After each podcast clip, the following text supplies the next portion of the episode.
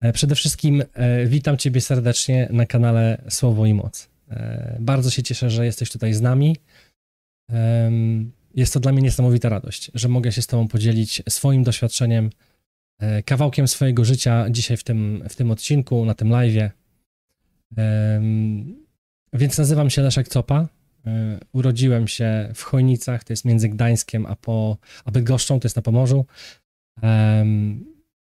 zwyczajne miejsce jak każde inne. Jakby zwykła mała miejscowość, nic super szalonego, szału nie ma, jak to mówią, butów nie urywa. E, normalne życie, normalnego chłopaka. Przynajmniej tak by się na początku wydawało.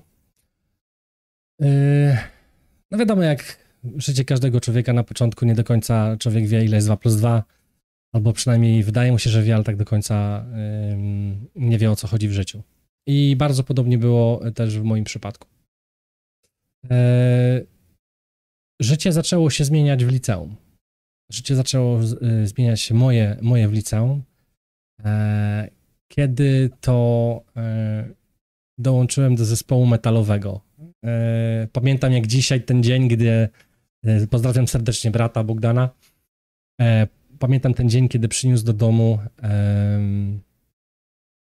kasetę Korna, taki zespół metalowy.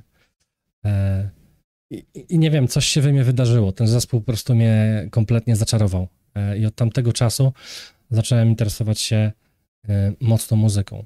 Wcześniej interesowałem się sportem. Wcześniej interesowałem się sportem, ale niestety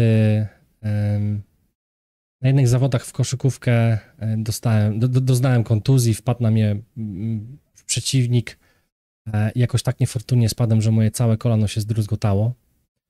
I od tamtego momentu e, niestety e, moja, że tak powiem, kariera się skończyła. Zapowiadało się całkiem nieźle, bo e, były tam jakieś możliwości, żeby dołączyć do klubów Bydgoszczy jako młodzik. Światło mi padło, nie wiem dlaczego. Naprawimy to. No i no i niestety musiałem zająć się czymś innym. I tym czymś innym była, była, była muzyka. Na początku wydawało się bardzo jakoś tak, y, bardzo jakoś tak niewinnie. Ewidentnie y, y, ktoś chce mi przeszkodzić w tym streamie. Nie wiem, czy wam mówiłem, ale szatan jest kłamcą. To dlatego. Okej, okay. nic mnie nie zatrzyma. E, nic mnie nie zatrzyma. Na początku wydawało się bardzo niewinnie. Mm, no po prostu, tak, grana muzyka, chłopaki, pozdrawiam zresztą wszystkich chłopaków z Lobotomii. Wspaniałe, wspaniałe chwile mieliśmy wspólnie razem. E, ale jak to bywa, jak się y, przede wszystkim dojrzewa i wchodzić w ten wiek dorosłości, y, że y, zaczynają się hulanki i swawoleny, no i jakby u mnie było zupełnie tak samo, tak? Niczym to się, to się nie różniło. E, ten zespół nawet fajnie prosperował.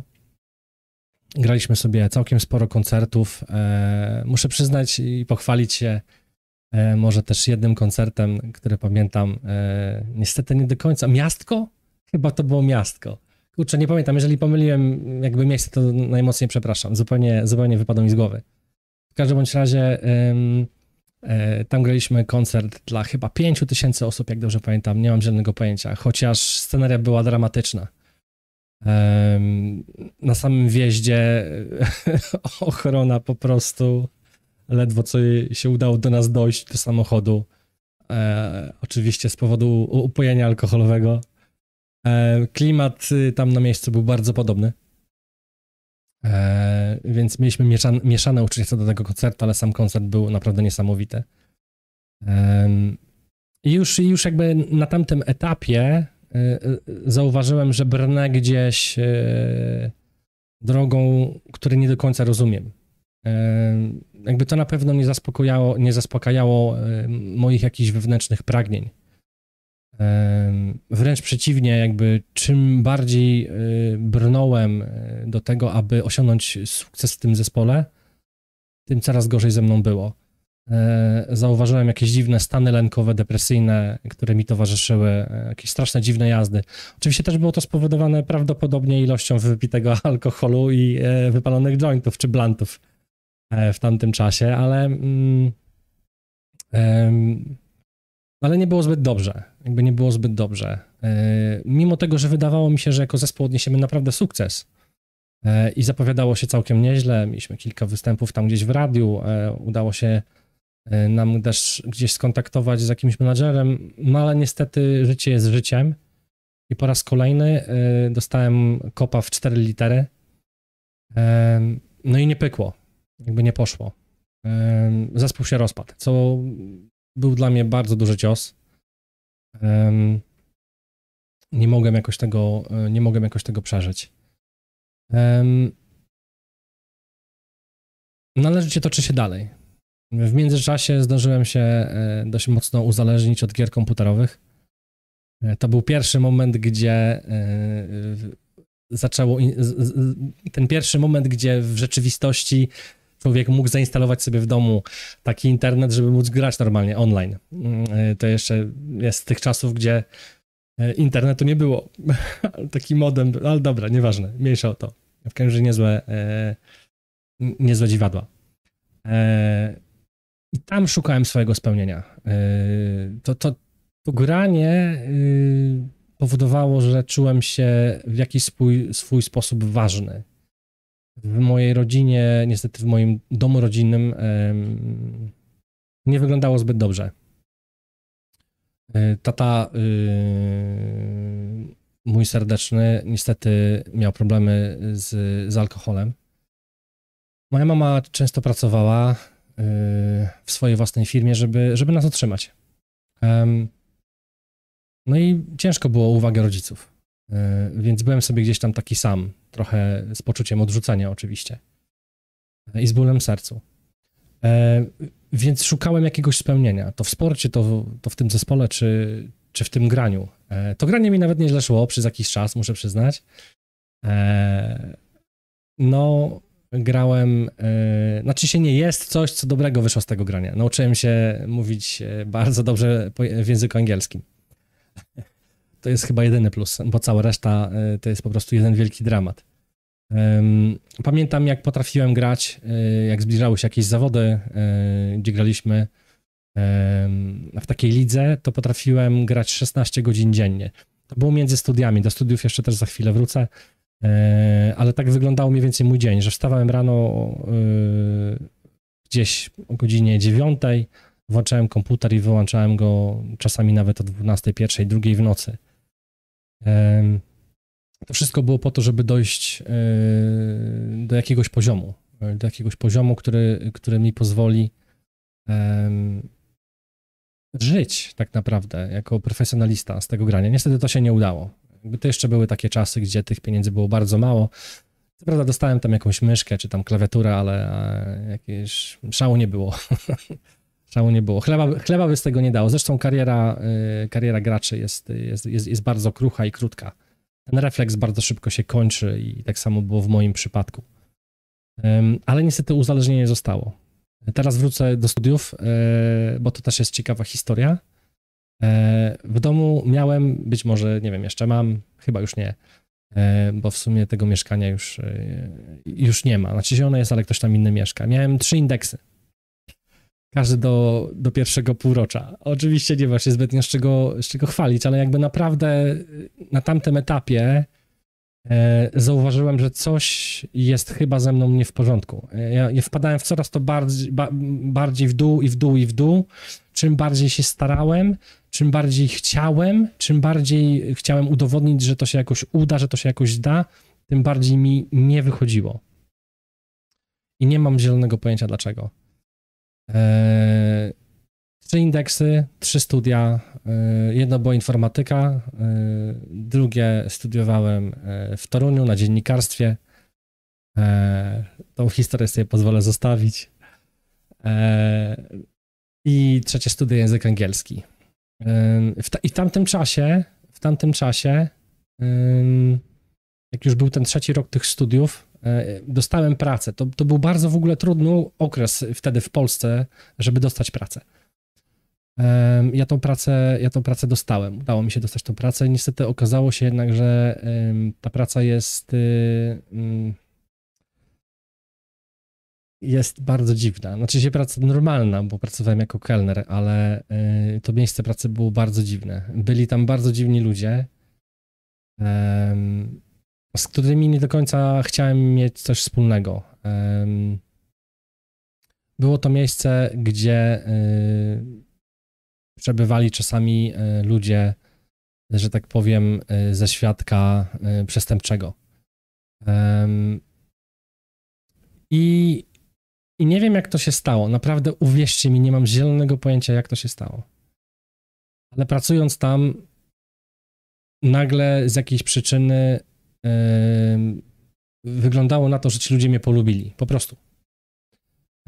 Mimo tego, że ja jakoś specyficznie ani się nie, nie wyróżniałem, przynajmniej tak myślę. Yy, chyba, że jedyną, jedynym wyróżnieniem było to, że, mia że miałem tutaj brudkę. Yy, ale jakoś z jakiejś przyczyny właśnie tak było. Tam były, były różne historie, jakby naprawdę nawet nie będę opowiadał, bo jakby nie ma sensu. Może taką jedną mogę, mogę przytoczyć. Kiedyś rozliczałem kasę i jak podniosłem głowę, to, to miałem miałem przy skroni pewien, pewien aparat e, przyłożony. E, no i jakoś nie było tak jak w filmach, że mi całe, całe życie mi przeleciało przed oczyma, nic takiego. Jedna wielka cisza. No i e, w pewnym momencie, e, skracając oczywiście, bo, e, bo się rozgaduję, w pewnym momencie dostałem propozycję współpracy i no i nie bardzo wiedziałem, jak odmówić, bo miałem jakieś takie poczucie, że, że po prostu, że że odmówić mi nie wolno. Więc po prostu skorzystałem z pierwszej, lepszej okazji. E, mianowicie e, przyjechał na przyjechał na urlop. E, e przyjechał, przepraszam, czytam właśnie czat, czat dopiero zajarzyłem, że, że, że, mam czat tutaj obok. Sobie go tutaj przełożę. E, Okej. Okay. O, tutaj, tutaj, tutaj.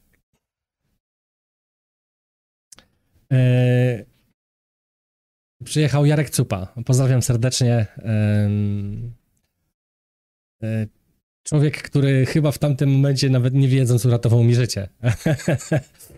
Przyjechał i spotkaliśmy się, mm, to był dzień przed, przed, przed jego wyjazdem z powrotem do Wielkiej Brytanii, bo, bo tam już mieszkał i, i pracował. I zapytał się mnie, e, Lechu, e, nie chcesz jechać do Wielkiej Brytanii, bo e, wykrzaczył się tłumacz. Ja mówię, stary, jasne, jadę. Jakby ja już na tym etapie, naprawdę miałem dość swojego życia. Jakby mieszkałem w mieście, gdzie mniej więcej rocznikowo się wszyscy znaliśmy. Jeździłem samochodem, to znałem każdą dziurę y, na drodze, która powstawała po zimie i nie została załatana na lato. I naprawdę powoli się tam dosiłem. Oczywiście było też wynikiem mojego trybu życia, ilości alkoholu e, spożywanego, tego, że mi zupełnie nic w życiu nie wychodzi, jakby ludzie dookoła zaczynali normalnie żyć, a ja po prostu stałem w miejscu. E, nikomu się oczywiście nie przyznając do tego, że czuję się jak, jak ostatni przegrany. Więc korzystałem z tej sytuacji. Zawsze bardzo chciałem wyjechać do Wielkiej Brytanii, było to moje, to moje marzenie. E, no i przyszedłem do domu, powiedziałem, mamo, tyle, dziękuję. E, wtedy miałem, jak dobrze pamiętam, 21 lat. E, powiedziałem, dziękuję, mamo, było fajnie, ale pakuję się i zobaczymy się nie wiem kiedy. I tak dokładnie wyglądało moje pożegnanie z domu. Spakowałem torbę. Spakowałem torbę, cześć, e, cześć Marta, cześć, e, cześć Joanna. E, witam was serdecznie, dzięki, że jesteście. Spakowałem torbę, no i jakby tyle, nie? Y, poszedłem rano o piątej, wstałem, bo ten wyjazd był jakoś choro strasznie rano, ledwo co tą torbę udźwignąłem, bo pewnie dzisiaj, jak na mnie patrzycie, zresztą ci, co mnie znają, to, to jakby nie możecie sobie tego wyobrazić, ale ja w tamtym momencie ważyłem 54-56 kg mniej więcej w tamtym okresie. Więc jak się spakowałem, to o mało co się nie połamałem. Moja mama później mi mówiła, że jak mnie widziała przez okno, jak niosłem tą torbę, to miała wrażenie, że będzie trzeba wzywać zaraz karetkę, bo mi kręgosłup pęknie. E, no i tak, słuchajcie, znalazłem się w Wielkiej Brytanii. E, I wydawało już się, że odzyskałem kontrolę nad swoim życiem, bo, e, bo wielki sen o Ameryce, tak? W sensie o Anglii w tym przypadku. Funciaki, zarabianie, tak? No miałem standardowe podejście, standardowe wartości. Hej, hej, Dyzio Paweł, witam ciebie serdecznie. To z Dyziem, to z Dyziem właśnie przechulaliśmy nie jedną noc, także pozdrawiam cię Paweł serdecznie. No i funciaki, tak, moje wartości były. E, e, tak, Kuba będzie można e, zobaczyć później, nic się nie martw, wszystko się zarchiwizuje i, i, i, na, i na, spokojnie. No i moimi głównymi wartościami było, było to, jak wygląda moje życie finansowo. Paweł dementuje. Okej. Okay. E, przyjechałem, pamiętam, z, z Wielkiej Brytanii na, e, na pierwsze swoje wakacje i faktycznie jakby wyglądało to wtedy fajnie. Jakby na tamten moment naprawdę było to, było, było, było to spoko, tak? E, pamiętam, że szajstałem kasą, wydawałem tyle, ile chciałem i jakoś wydawało się, że te pieniądze jakoś super się, się nie kończą. W tamtym czasie, w tym, w tym właśnie, gdzie byłem na tych wakacjach, Marta potwierdza. W tym czasie y, właśnie mowa o Marcie, czyli o mojej żonie. Y, zachęciłem Martę do tego, aby e, witam, witam Mateusz, witam cię serdecznie. Wszyscy moi starzy znajomi jakoś y, świetnie się składa, że się e, też zeszli tutaj ze mną. Pozdrawiam was wszystkich serdecznie. Martę zachęciłem do tego, żeby, żeby wjechała do Wielkiej Brytanii. Eee, oczywiście z takim planem, żeby, żeby została moją żoną, no bo jakby inaczej. To już był ten wiek, gdzie trzeba było się hajtać. Nie było na co czekać za bardzo. Marta się zgodziła, to na początku miał być taki krótki wyjazd na rok. E, zrobiła przerwę sobie e, w studiach. E, no i ten rok tak naprawdę zamienił się w prawie 15 lat mieszkania e, za granicą. E, z Martą wziąłem ślub. E, urodziło nam się dziecko, nasze pierwsze Laura. No i niestety największy problem wtedy, jaki, z jakim się zmagałem, to, to była gra, która się nazywa World of Warcraft. Mateusz doskonale, doskonale pamięta. O, witamy Strzelasa i Tigerka. Witamy serdecznie. To są ci ludzie właśnie, jak doskonale się czas zgrywa. To są ci ludzie, z którymi przegrałem wiele, wiele, wiele, wiele, wiele godzin e, właśnie w grę World of Warcraft. I jeszcze wiele innych, także tak to właśnie było. E, to stało się moim mocnym uzależnieniem. Jakby nie będę was oszukiwał. Jakby naprawdę, naprawdę był z tym duży problem, e, bo ja spędzałem każdą wolną godzinę e, to w tamtym środowisku e, Tiger pewnie i Strzalas mogą potwierdzić, e, było, było w miarę normalne. Ale gdzieś tam w międzyczasie pojawiały się takie informacje, jak ktoś, z kim się bardzo długo grało, nagle przestał grać ze względu, że, że doszło do jakiegoś rozwodu, czy do jakiegoś tam dziwnego dziwnego dramatu. Pamiętam nawet jedną sytuację, nie, nie, nie, pamiętam nika jakby gracza, to jeszcze było nie w World of Warcraft, tylko e, w RTCW jak graliśmy, e, gdzie nagle zniknął jakby nagle ze sceny i się okazało, że e, mówi, że grał przez trzy dni, przez trzy dni jakby w ogóle bardzo mało jadł i pił i mówi, że zajarzył, że w ogóle jakby jego mózg się wyłącza i coś się nie tak dzieje z jego organizmem ze względów zdrowotnych musiał przerwać. U mnie e, fioletowe się zbierało. E, czyli epaksy w, w grze World of Warcraft, mówi Marta, podpowiada. I jakby byłoby wszystko w miarę okej, okay, gdyby nie to, że jakby ten nauk po prostu zaczął totalnie wyciągać mnie z rzeczywistości. E, e, I w pewnym momencie moja żona już tego miała serdecznie dość, zresztą nie ma się jej co dziwić, tak? E, facet, który siedzi w domu i non-stop napierdziela w gierki od rana do nocy jeszcze przy tym w nocy o 11, 12, jak wypadnie jakiś epax albo ktoś ci zajuma ten epax, czyli ktoś ci e, ten, ten, ten, ten epax podbierze, e, to szły soczyste e, różne wyrazy z krzykami włącznie, albo wielkie, wielkie radości, okrzyki radości po, po wielu tygodniowych jakichś tam dziwnych walkach z, z bossami. Zresztą teraz już mówię dziwnym językiem, dobra, jakby to zostawię. No ale żona miała dość i powiedziała, że dobra, jakby koniec tego naszego małżeństwa, bo to nie ma sensu. No i to był pierwszy moment, gdzie ja zajarzyłem, że coś ze mną jest nie w porządku. W międzyczasie jeszcze yy, poznałem wspaniałych ludzi, wspaniałych przyjaciół. Yy, tam w Wielkiej Brytanii. Pozdrawiam serdecznie Darka i Petera.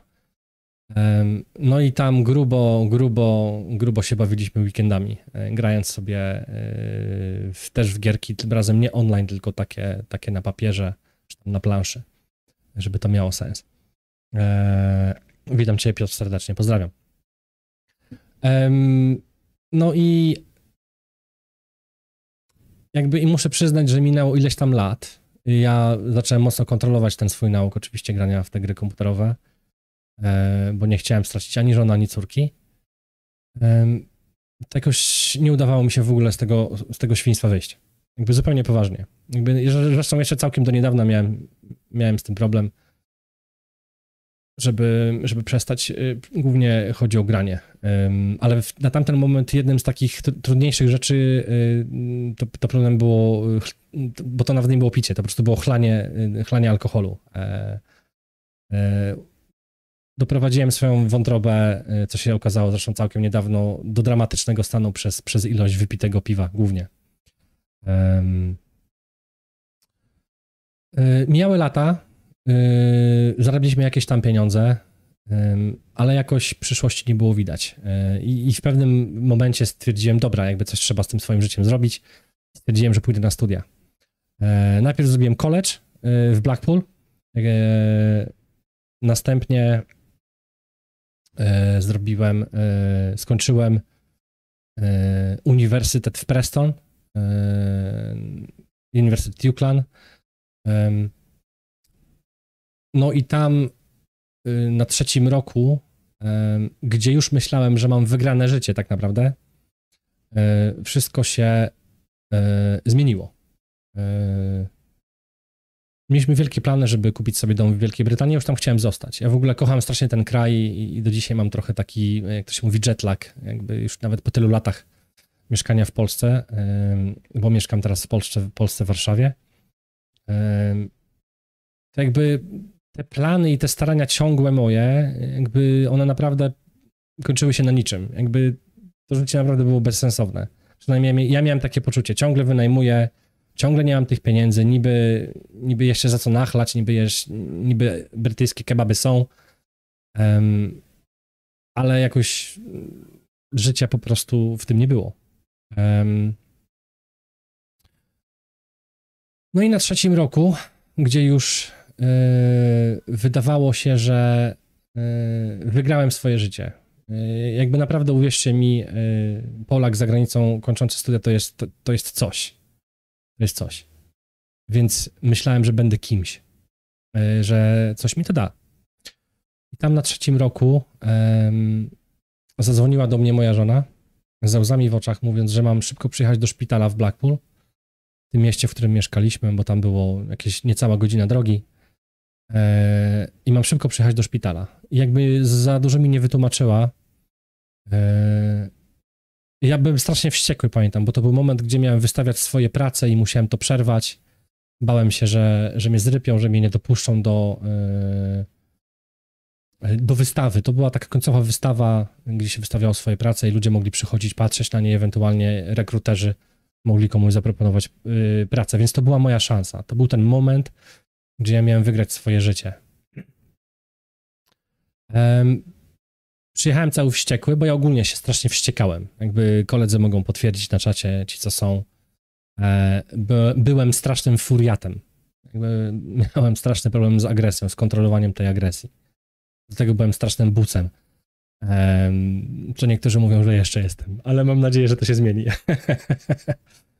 e, jechałem całą drogę z takimi myślami, co, co ona sobie myśli, jakby ja pierdzielę, to ja tutaj całe życie y, oram, robię coś, y, staram się, y, płacę rachunki, jakby to jest nasza przyszłość, a ona mi tak zawraca dupę.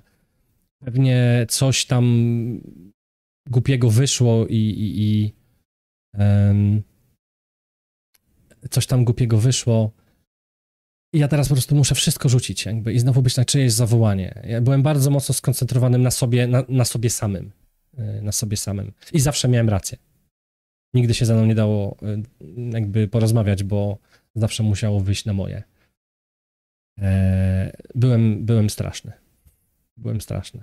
Wrzucę może taką, taką historię w Blackpool. E, był polski kościół, gdzie uczęszczałem, uczęszczałem tam w miarę regularnie i e, świadomie potrafiłem nieść modlitwy do Boga, tak jak są napisane w Ewangelii, gdzie, gdzie mówiłem, Panie, dobrze, że nie jestem tacy jak oni.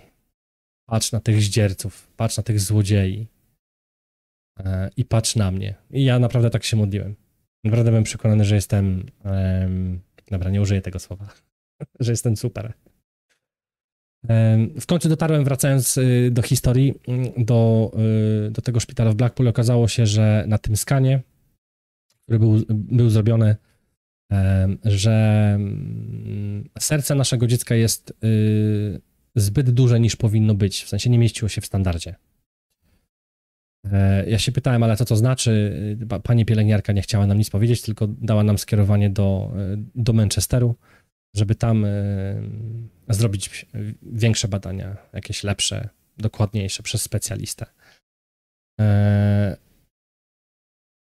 Tak, zapomniałem dodać, że Baś w ciąży, ale to już chyba jest oczywiste. Tak, moja żona wtedy w trzecim roku e, była w ciąży. Słuchajcie, te kilka miesięcy żyliśmy w takim, w takim dość mocnym napięciu. Jakby to naprawdę była kupa stresu. Jakby zupełnie nie żartując, bo ja, ja, ja nie wiedziałem, co się dzieje. Ja nie wiedziałem, co się dzieje. W końcu udało nam się dostać do tego Manchesteru yy, i to badanie trwało chyba z pół godziny Później rozmowa półgodzinna, e, na której zostaliśmy poinformowani, że nasze dziecko ma tak zwany syndrom Epsteina. E, ja już dokładnie wytłumaczenia tego medycznego nie pamiętam. W każdym razie doszło tam do jakiejś nieprawidłowości, gdzie ciśnienie przez, chyba przez dziurę w sercu, gdzie ciśnienie nie mogło się odpowiednio wytworzyć w sercu i przez to źle przepompowywało krew.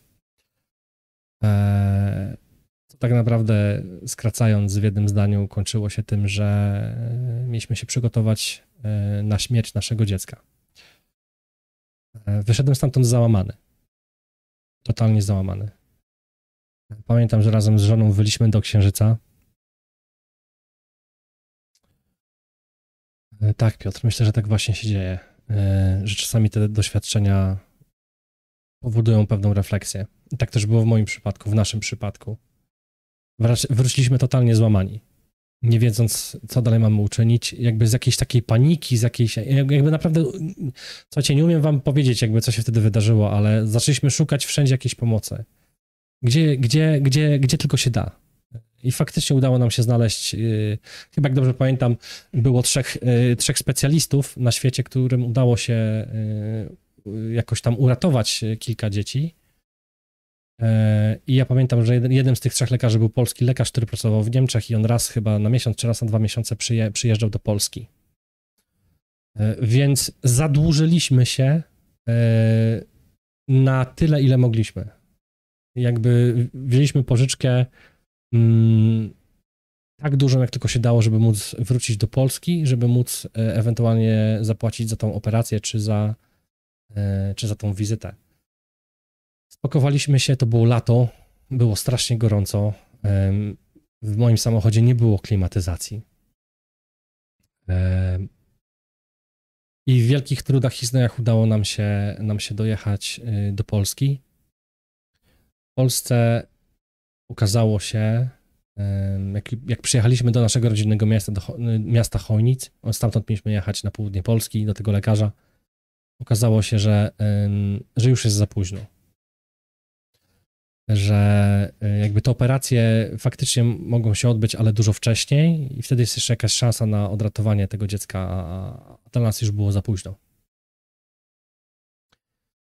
Jakoś dziwnym przypadkiem, tak, przypadkiem użyję w cudzysłowie, bo, e, bo wierzę, że jakoś Pan e, zadziałał w tym, w tym momencie ale y, w Chonicach odbyło się takie spotkanie, y, konferencja, y, coś na ten styl, z modlitwą uwielbienia. Mm, przyjechał ojciec Enrique Antonello,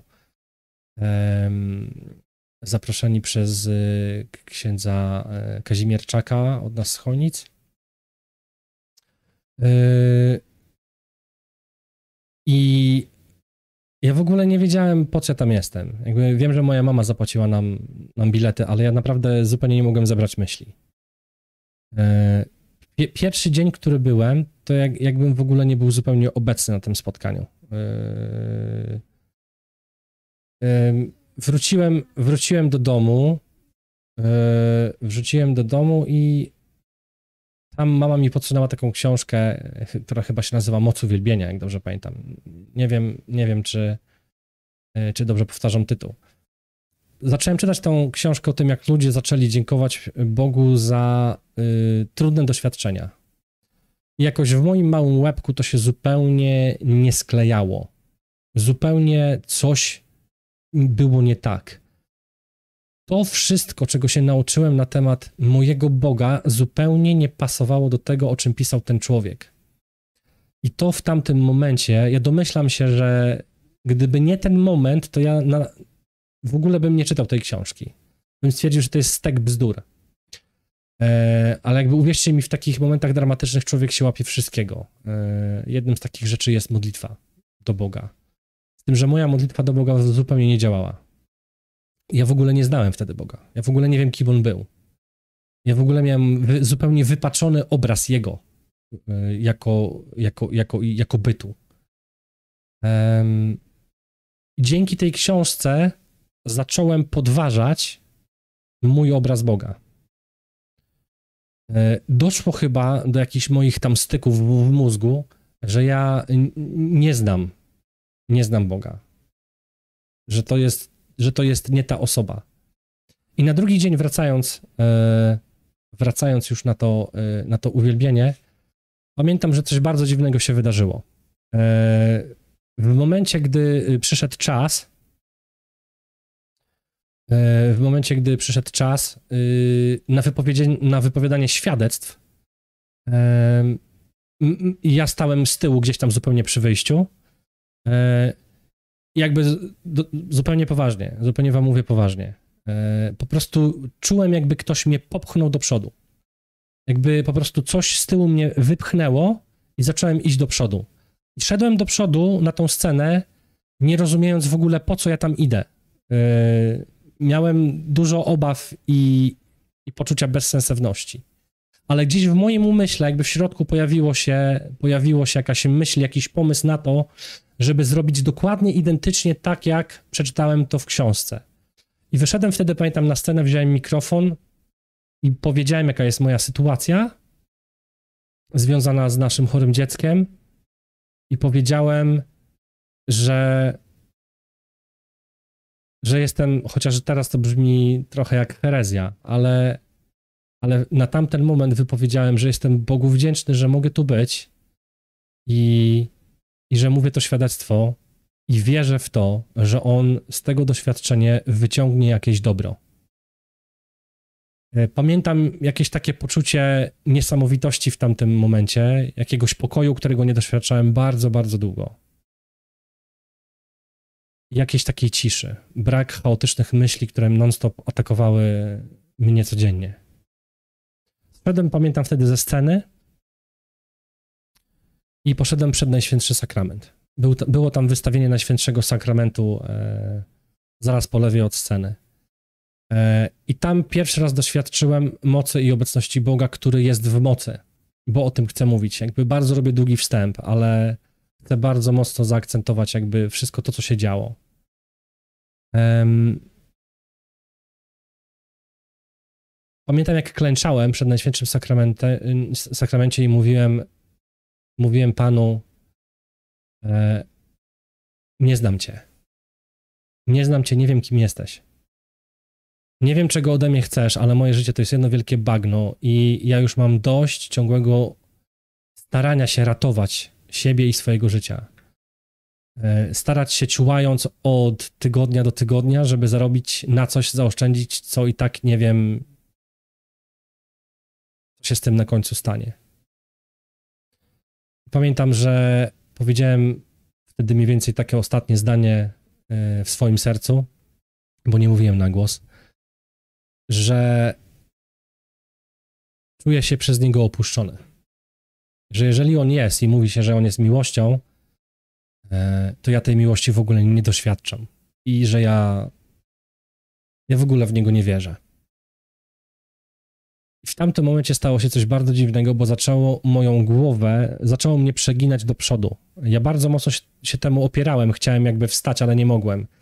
I i jakby w jakiś sposób ponadnaturalna siła po prostu e, te moje plecy zaczęła zginać, zginać. I to trwało chyba z 5 minut. E, ja w końcu się temu poddałem i, i, i upadłem, pamiętam, czołem odbiłem się, się, się od podłogi, zamknąłem oczy i wtedy doświadczyłem prawdziwego uwolnienia, e, prawdziwej miłości i mocy Ducha Świętego. Od tamtego momentu, wracając już e, do Wielkiej Brytanii, było nam, było nam łatwiej. Było nam łatwiej, ponieważ otrzymaliśmy wiarę w to, że nasze dziecko może zostać uzdrowione. Ja jeszcze wtedy dalej nie znałem Boga i nie wiedziałem, co mam z tym wszystkim zrobić. Mi nikt tego nie mówił. Mi nikt nie głosił Ewangelii, nikt mnie nie wziął za rękę, nie powiedział mi, co mam zrobić. Ja nie miałem wspólnoty, nie miałem nic, byłem sam. Bóg mnie poprowadził przez całe życie sam. Ja też o to go później prosiłem, żeby tak właśnie to wyglądało. Um, więc ja nie do końca wiedziałem, co ja mam z sobą zrobić. Więc po prostu modliliśmy się tak, jak umieliśmy. Pierwszą rzeczą, którą pamiętam, yy, yy, która się nam zdarzyła, to jest to, że ktoś nam sprzedał, w cudzysłowie sprzedał oczywiście yy, su, modlitwę na sukces, czyli musicie wszyscy odmawiać pompejankę na różańcu, czy, czy jakoś tak. E, i wasze dziecko na pewno będzie uzdrowione. I my to robiliśmy. I my to, my to robiliśmy. E, mijały miesiące, e, w których szpital nas nękał prawie co tydzień dzwoniąc, że to dziecko najlepiej byłoby już, by już zabić, żeby, żeby moja żona dokonała aborcji. Nie wyraziliśmy oczywiście na to zgody, bo, bo tak mówił Kościół. Jakby tak, jakby nie było w tym żadnej logiki. Wiedzieliśmy, że tego nie wolno robić, a nie chcieliśmy się spalić w piekle, więc po prostu ze strachu e, tak zdecydowaliśmy. Jakby pobudki były zupełnie nie te, ale e, jakby tak wyszło. E, no i w końcu doszło do tego momentu, gdzie mieliśmy przyjechać na, umówione, e, na umówiony termin do szpitala, żeby wywołać poród. E, tutaj napomknę taką, taką jedną rzecz, że tam też jakby ja, ja naprawdę w tamtym momencie, ja do dzisiaj nie wiem, jak mam to opisać, jak mam to wyrazić, ale my byliśmy otoczeni wielką grupą specjalistów, y, z którymi spotykaliśmy się regularnie w Manchesterze. Wszystko do wywoływania tego porodu było zaplanowane, co do minuty.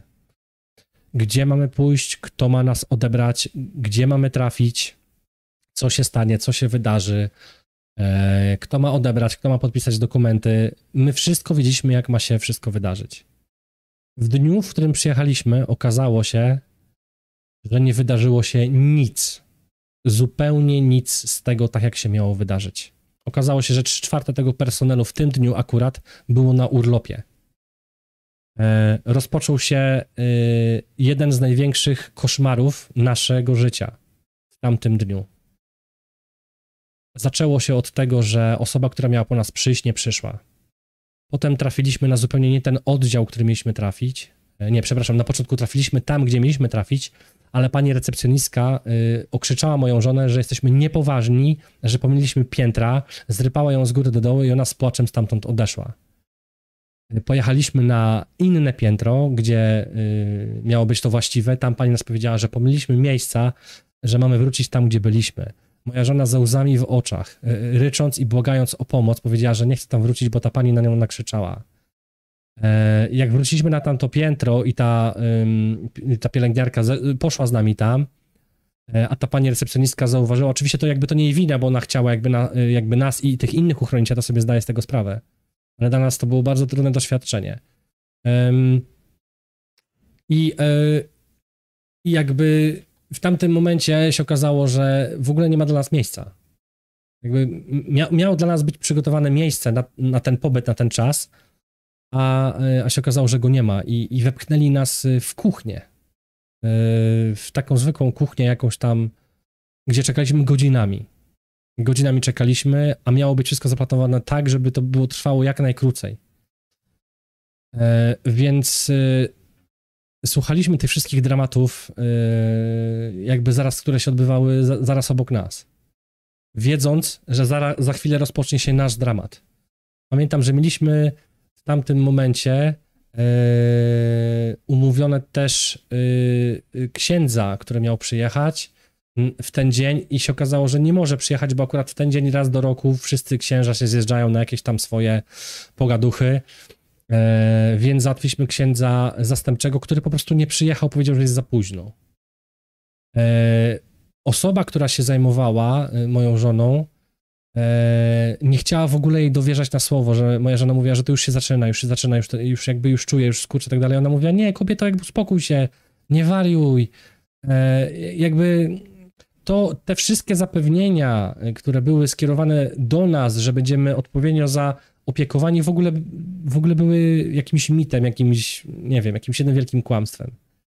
Moja żona nagle nie wiadomo. Yy, yy, zaraz, o, pamiętam jak y, pielęgniarka powiedziała, że co ty gadasz, weź się uspokój, połóż się na drugi bok, zaraz ci przejdzie. I tak jak się odwróciła, wpisać godzinę, jakby w te dokumenty kontrolne, to, to, to, to mojej żonie odeszły wody. I nawet, nawet yy, nie zdążyli podać znieczulenia, yy, które miało być, żeby moja żona nie cierpiała. Wszystko w tamten dzień poszło nie tak. E, Do dzisiaj pamiętam ten moment, gdzie Marysia, bo tak nazwaliśmy nasze dziecko, mm, dostałem na ręce owiniętą bardzo mocno w ręcznik. E, Bardzo mocno była e, zawinięta. Jakby przepraszam za obrazowość, ale chcę to wypowiedzieć. Chcę to wypowiedzieć, żebyście wiedzieli, przez co przeszedłem, bo być może jeżeli ty jesteś w takim miejscu, to uwierz mi, że jest nadzieja. Dziecko zostało położone mi na rękach, na początku na, y, na chwilę na moją żonę, później na moje ręce. I ono zostało owinięte takim ręcznikiem czy kocem. E, I na moich rękach e, e, ono się po prostu dusiło. I to związanie miało spowodować, żeby to ciało za bardzo nie szalało, nie drgało, żebym nie musiał na to patrzeć. Swoje dziecko ochrzciłem wodą z kranu, która y, była przy zlewie obok, bo ksiądz powiedział, że mu się nie chce przyjechać. Że jest już za późno, że przyjedzie jutro. Moje emocje sięgały zenitu. Byłem, byłem wściekły. Miałem ochotę pozabijać wszystkich dookoła, a zarazem byłem totalnie bezsilny i. em, nie wiedziałem, co mam zrobić straciłem w ogóle y, możliwość logicznego myślenia. To jest y, ten moment, to jest ten moment, w którym em, całe ja zostało złamane. To jest moment, gdzie wszedłem do najciemniejszej otchłani, do najzimniejszej jaskini i zostałem tam sam. Nawet obecność mojej żony, która zresztą była w takim samym, a być może jeszcze gorszym stanie, zupełnie mi nie pomagała.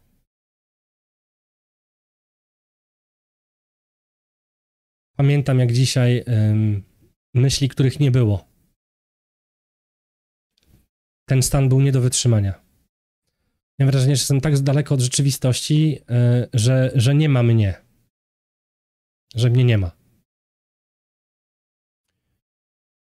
Skracając, e, bo strasznie długo gadam, kolejne dni były po prostu. Nie wiem, czym były. Ja w ogóle nie chciałem jeść, pić. To była totalna depresja. Jakby taka hardkorowa, totalna depresja. W ogóle nie rozmawialiśmy z sobą e, godziny yy, płakania. Nawet organizm nie wyrabiał yy, płacząc. Nie było już czym płakać. Ludzie w tamtym momencie zupełnie nie wiedzieli, jak mają się zachować. Co też wcale nie pomagało. Jakby nie mam do nikogo żalu, bo rozumiem, że to jest dramat i człowiek naprawdę nie wie, jak, jak się zachować. Yy, ale byłem sam. Byłem zupełnie sam. Kilka dni później pochowaliśmy nasze dziecko e, na cmentarzu w Manchesterze, w zbiorowym grobie, ponieważ nie było nas stać, bo nie mieliśmy nic. Nie było nas stać nawet na zwykły, malutki nagrobek. Moje całe życie, y, marzenia o wielkich funtach y, było po prostu jednym wielkim gównem, za przeproszeniem.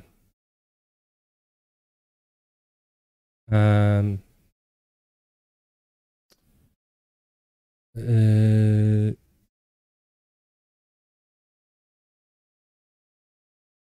Kolejne dni po prostu mijały. W tamtym czasie zahaczyliśmy się o taką wspólnotę w Manchesterze,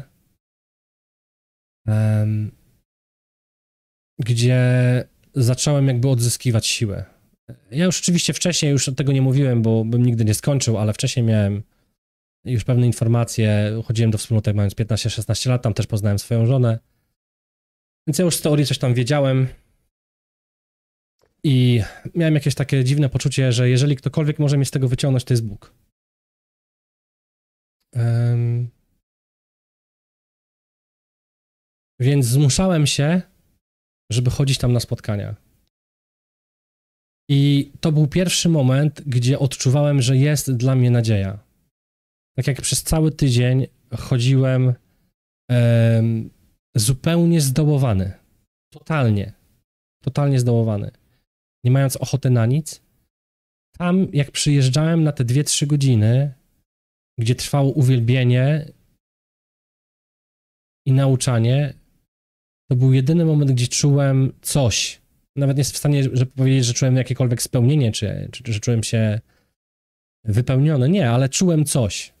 Czułem coś, co, co, mnie, co mnie ciągnęło. E, pierwsze przyznanie się Pana e, do nas e, było, było właśnie tam. I zaczęło się od pewnej modlitwy, której ja wywrzeszczałem tak naprawdę w domu. Mojej żony nie było. Pamiętam, że stałem, stałem w pokoju i wrzeszczałem, mówiąc do Boga: Gdybyś był miłością, to byś uratował mi dziecko. A to, co wiem na Twój temat, jest jedną wielką ściemą, jest jednym wielkim kłamstwem. Nie wierzę w nic, w to, co mówią na Twój temat, ponieważ nie doświadczam w ogóle Twojego dobra.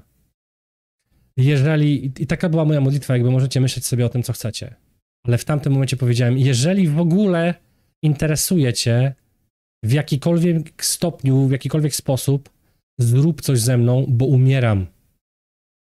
I umiera cała moja rodzina, bo to dotykało nie tylko mnie, moją żonę, ale też i naszą córkę Laurę, która czekała na swoją siostrę. I tam już wtedy właśnie Pan zaczął odpowiadać na, na tą moją modlitwę. Um, pokazując, że On w tym wszystkim ze mną jest. Jakoś. Na tyle, na ile mógł.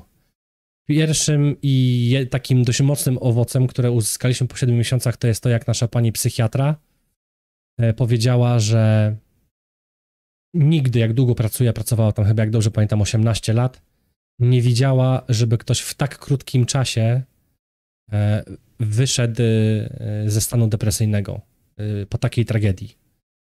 Że zna ludzi, którzy latami jeszcze później mają straszny problem z wyjściem z tego a my po tym krótkim czasie, w procesie, zostaliśmy uleczeni przez Boga. To było moje pierwsze doświadczenie, które mi mówiło, że Bóg jest chyba inny niż ten, którego znam. E, I taka była też prawda. kilka miesięcy po tym zdarzeniu bardzo mocno zachorowałem. Nie wiem, ja nie wiem, co się stało. Nagle pewnego dnia zacząłem odczuwać mrowienie w nogach i w, w palcach od rąk. Mijał dzień po dniu, ja chodziłem do lekarza prawie co, co 2-3 dni bagając jakąś pomoc i czułem, że, yy, że ten ból się coraz bardziej zwiększa. Yy, po, po kilku tygodniach yy, zacząłem tracić czucie w rękach i w nogach. E, w nocy budziłem się z krzykiem.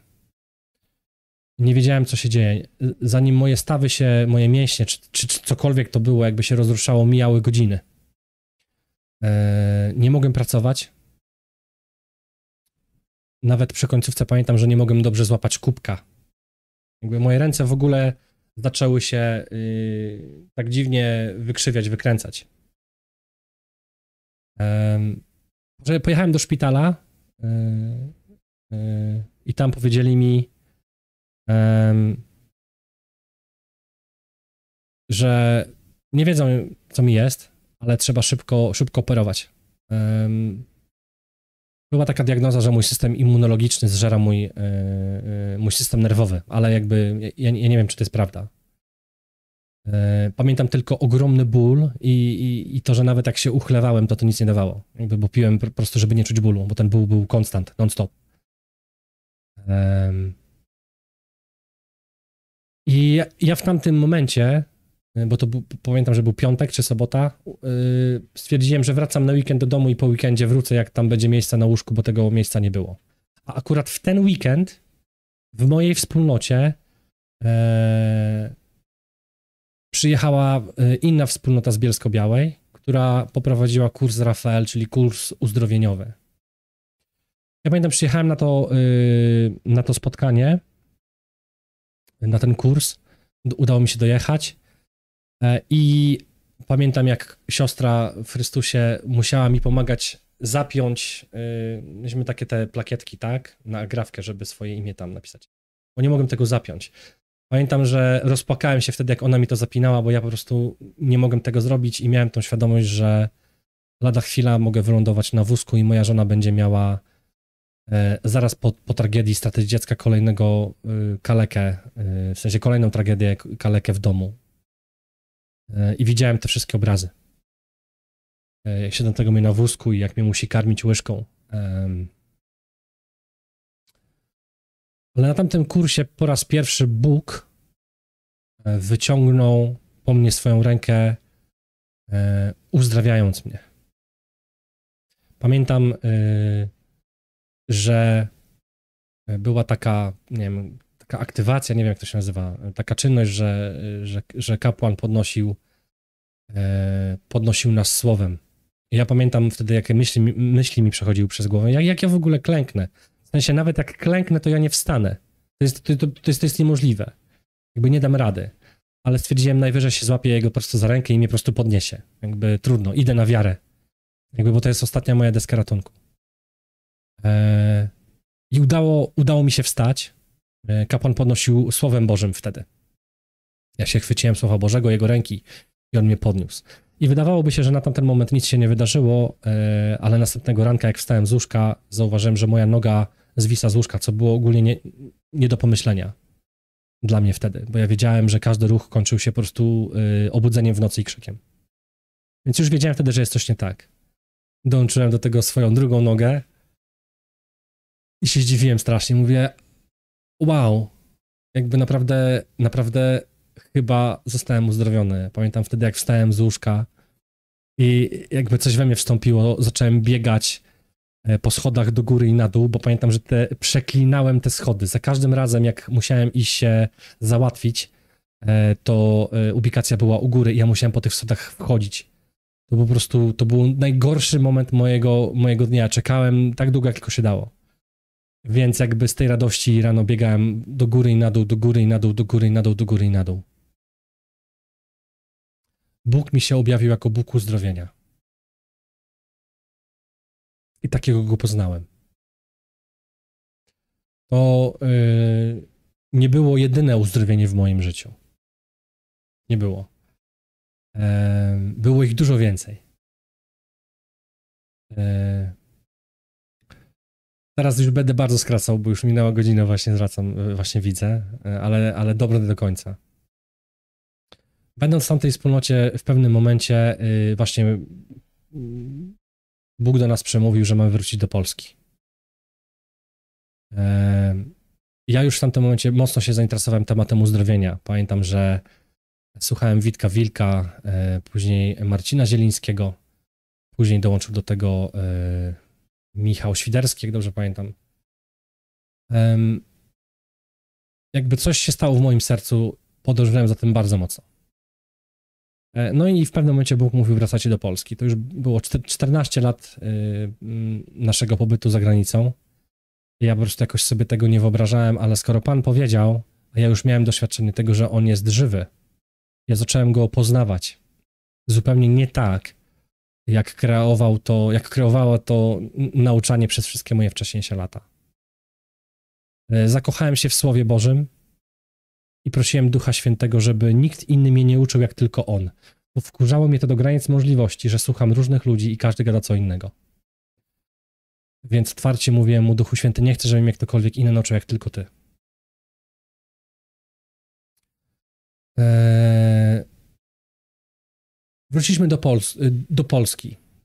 Hmm, pełni nadziei, zupełnie innej postawy serca, eee... znając powoli, jaki jest nasz Bóg, że jest miłością, że jest dobry, że działa w naszym życiu. Eee i spotkaliśmy tutaj e, w Warszawie wspaniałych ludzi, e, bo, bo tutaj się, e, że tak powiem, zaklimatyzowałem, znalazłem sobie tutaj pracę. To też jest inna historia, ale już nie będę. Cudownie pan przyprowadził nas do Warszawy i do wspólnoty, która się nazywa Hefsiba. Od tamtego czasu jestem związany z apostolskim ruchem wiary. Link dołączę y, do filmu w opisie, więc będzie można sobie tam zajrzeć, jak ktoś ma ochotę. E, I tutaj tak naprawdę w apostolskim ruchu wiary zaczęła się moja przygoda w ponadnaturalności, w znakach i w cudach. Wiem, że dla wielu osób to, co teraz mówię, to jest jakaś abstrakcja i jedna wielka bajka. Ja sam jeszcze ileś lat temu zupełnie nie wierzyłem w to, że Bóg może sprawić jakiś cud, a jeżeli go sprawi to pewnie przez jakichś tam dziwnych świętych albo specjalnie wybranych ludzi. Ale to jest nieprawda. Każdy ma do tego dostęp. Ale co ty i ja musimy zrobić, to z głębi serca zawołać tak, jak ja zawołałem. Żeby Pan uratował ciebie od tego życia, które teraz masz. Eee, dzisiaj jestem w takim miejscu, w takim momencie, gdzie totalnie zwariowałem na jego punkcie. Oszalałem. Zakochałem się bez granic. I mówię to otwarcie, jakby i szczerze, nie zamierzam się nigdzie cofać. Nie zamierzam się nigdzie cofać. E, posługuję w miarę regularnie, posługuję, czyli e, modlę się za innych e, ludzi, za tych, którzy potrzebują, za tym, którzy są być może w podobnych sytuacjach albo czasami gorszych ode mnie. Modlę się za nich, żeby i oni mogli doświadczyć uzdrowienia serca i zmiany życia. I widzę zmiany u nich po modlitwach. Widzę, jak Bóg działa. Działa poprzez proroctwo, które Bóg wypowiada, bo Bóg mówi, mówi do mnie, ja go słucham i mówi do mnie codziennie. I codziennie żyję z Duchem Świętym. E, chciałbym się na sam koniec podzielić bardzo krótkim, um, krótkim jakby świadectwem z ostatniego czasu, które się wydarzyło, jakby potwierdzającym tym, że Duch Święty naprawdę jakby żyje i działa. Um, moje dziecko y, nie pytało się o pozwolenie i wzięło sobie takiego szklata, szklaka, który został y, na, na stole nie wiem, chyba nasza córka, czy ktoś, jakby nie pamiętam, zresztą też mało ważne, jakby zostawił to i, i on po prostu nie zapytał się i, i, go wziął. Mimo wiedząc, że mu takich cukierków nie wolno, bo mu ciągle to powtarzamy. I on wbiegł e, do drzwi, gdzie z żoną rozmawiałem i miał wielki wytrzeszcz oczu. Był fioletowy, miał rozłożone ręce w taki sposób i tylko w, wydobył taki jakiś dziwny skrzek. E, y, ze, swo, ze swoich ust. Ja automatycznie wiedziałem, bo powiedział mi to Duch Święty, że mój syn się dusi. Złapałem go od tyłu i zacząłem go ciągnąć, y, jakby tak podciągać do góry. Ten cukierek oczywiście wypadł, syn został uratowany, ale mój kręgosłup, nie wiem, coś tam strzeliło, coś się nim stało. E, I pamiętam, że zdychałem z bólu. Tamtej nocy zdychałem z bólu. E, nie wiedziałem, co się ze mną dzieje. Chyba nawet w ogóle na, na jakiś czas zemdlałem, bo, bo, nie pamiętam w ogóle jakiegoś czasu wycinku. Na drugi dzień pojechałem do szpitala, dostałem zastrzyk, żeby tam rozluźnić te mięśnie e, i przez trzy dni chodziłem, ledwo chodziłem. Zastanawiałem się, czy już nie załatwić jakiejś kuli czy coś. Miałem zrobiony rezonans, ale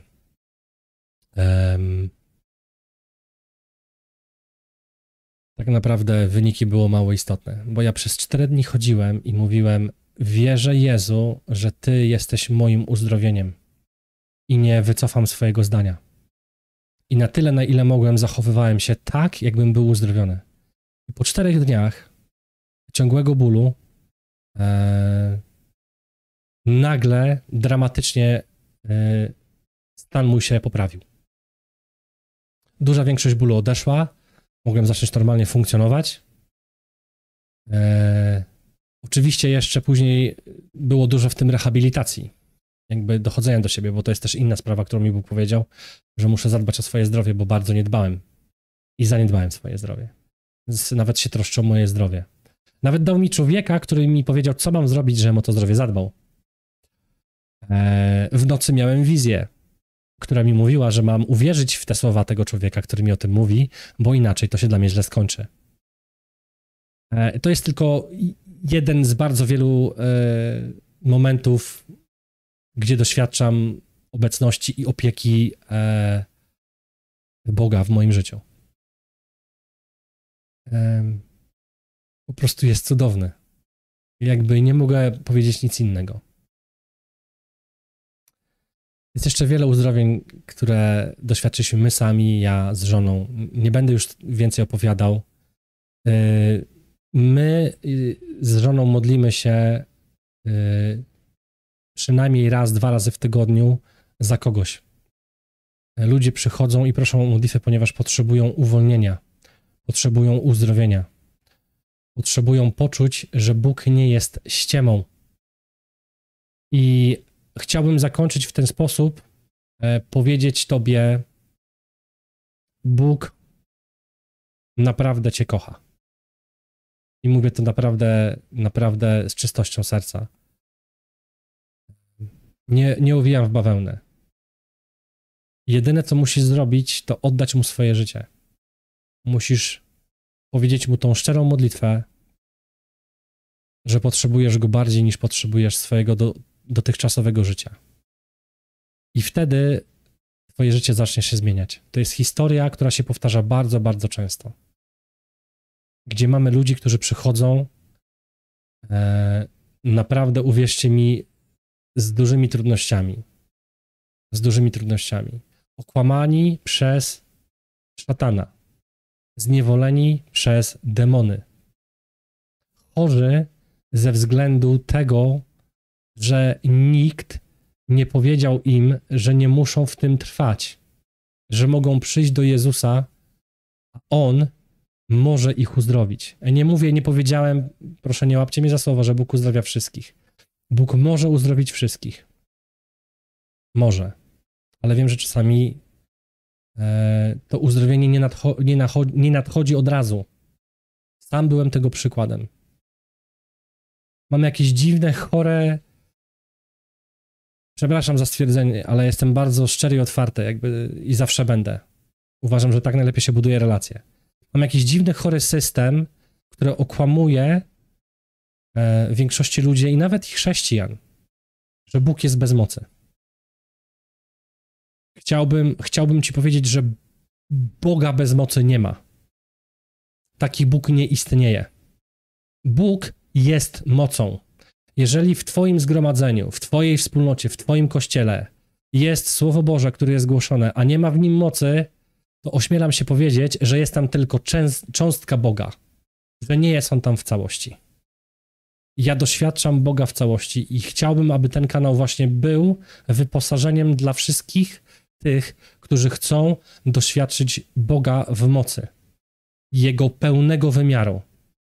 Wszyscy ty, ci, którzy są zranieni, wszyscy ci, którzy żyją w beznadziei, w depresji, w ciemności. Chcę pomóc ci. Chcę, żebyś mógł poczuć tą wolność, którą ja czuję. Uwierzcie mi, przynajmniej raz w tygodniu mam okazję zobaczyć uśmiech człowieka, który mówi: Zostałem uzdrowiony lub zostałem uwolniony. Ostatnio miałem niesamowitą modlitwę, gdzie pewien brat w Chrystusie się przyznał: Nie spałem dobrze przez lata. Po modlitwie e, czuję się wolny, mogę spać. Nie mam jakichś głupich myśli w głowie. Prawdziwi chrześcijanie to są ci, którzy wierzą Słowo, czyli w Pismo Święte i w moc Słowa, czyli w moc Jezusa Chrystusa, Boga Ojca, która jest objawiona przez Ducha Świętego. Mam nadzieję, że będę w stanie na tyle, na ile umiem, pokazać Ci, jak kroczyć tą ścieżką, jak dojść do tego punktu, że i abyś Ty mógł później modlić się za innych, nakładać na nich ręce i uwalniać ich i uzdrawiać. Słowo Boże mówi, a tym, którzy uwierzą w Ewangelii Mateusza, te znaki towarzyszyć będą. W imię moje będą wyrzucać złe duchy. Będą kłaść ręce na ludzi, a oni zostaną uzdrowieni. Do tego Ciebie zachęcam i mówię, że to jest dostępne dla Ciebie. To tyle, jeżeli chodzi o moje przydługie świadectwo. Trochę przedłużyłem. Um, ale mam nadzieję, że coś ci dodało. E, jeżeli e, chciałbyś, do, do, czego cię oczywiście serdecznie zachęcam, podzielić się swoim jakimś świadectwem, e, to prześlij je do mnie na adres słowo i moc małpa.gmail.com. Adres tego maila podam w opisie. Chciałbym, aby możesz też go jakby napisać w komentarzach na YouTubie. W ogóle ci wszyscy, którzy jesteście mm, na Facebooku, bardzo was serdecznie proszę, jakby bardzo was proszę, zaszerujcie y, i udostępnijcie ten film, to świadectwo. E, też zasubskrybujcie, o tu nawet sobie zrobiłem, zobaczcie, a specjalnie dla was. Taką animację, zadziała? Nie, nie zadziałało. Ale bieda, o jest. Coś się spóźniło. E, zasubskrybujcie ten kanał, jakby proszę was bardzo serdecznie, e, dajcie łapki w górę, komentujcie. E, to jest też bardzo ważne, bo to pomaga algorytmom. To jakby to nie jest o tyle mi potrzebne, jakby to jest mi potrzebne w sensie temu kanałowi, żeby on się rozrósł. Więc zachęcam Was do tego bardzo serdecznie i gorąco. I serdecznie, serdecznie Wam wszystkim dziękuję. No i już dzisiaj zapraszam w przyszłym tygodniu na drugą odsłonę, drugi odcinek. Teraz będzie trochę inaczej. Będę właśnie mówił E, o tej, o tej mocy, o słowie i o mocy. E, też opowiem trochę skąd to się wzięło, jak mi Bóg powiedział, co mam zrobić, dlaczego tu jestem. E, no i chyba tyle. Pozdrawiam Ciebie serdecznie, kocham Cię bardzo, a Jezus milion razy więcej. Nie poddawaj się. Nie poddawaj się. Jeżeli jesteś, jeżeli w ogóle potrzebujesz pomocy, daj mi znać. Daj mi znać, jestem naprawdę otwarty. Napisz do mnie maila, napisz w komentarzu, skontaktuję się z tobą. Naprawdę nie jest za późno. Jeżeli masz myśli depresyjne, jeżeli chcesz popełnić samobójstwo, jeżeli dzieją się dziwne rzeczy u ciebie w domu, w twoim ciele, proszę cię, daj mi znać. Wierzę w to, że z mocą Boga jestem w stanie ci pomóc. Eee, nie chcę skreślać nikogo. Wiem, że różnie bywa. Także trzymajcie się wszyscy serdecznie. Kocham Was bardzo. E, kiwam Wam serdecznie. Do zobaczenia w przyszłym tygodniu o tej samej godzinie 20. Do zobaczenia. Pa!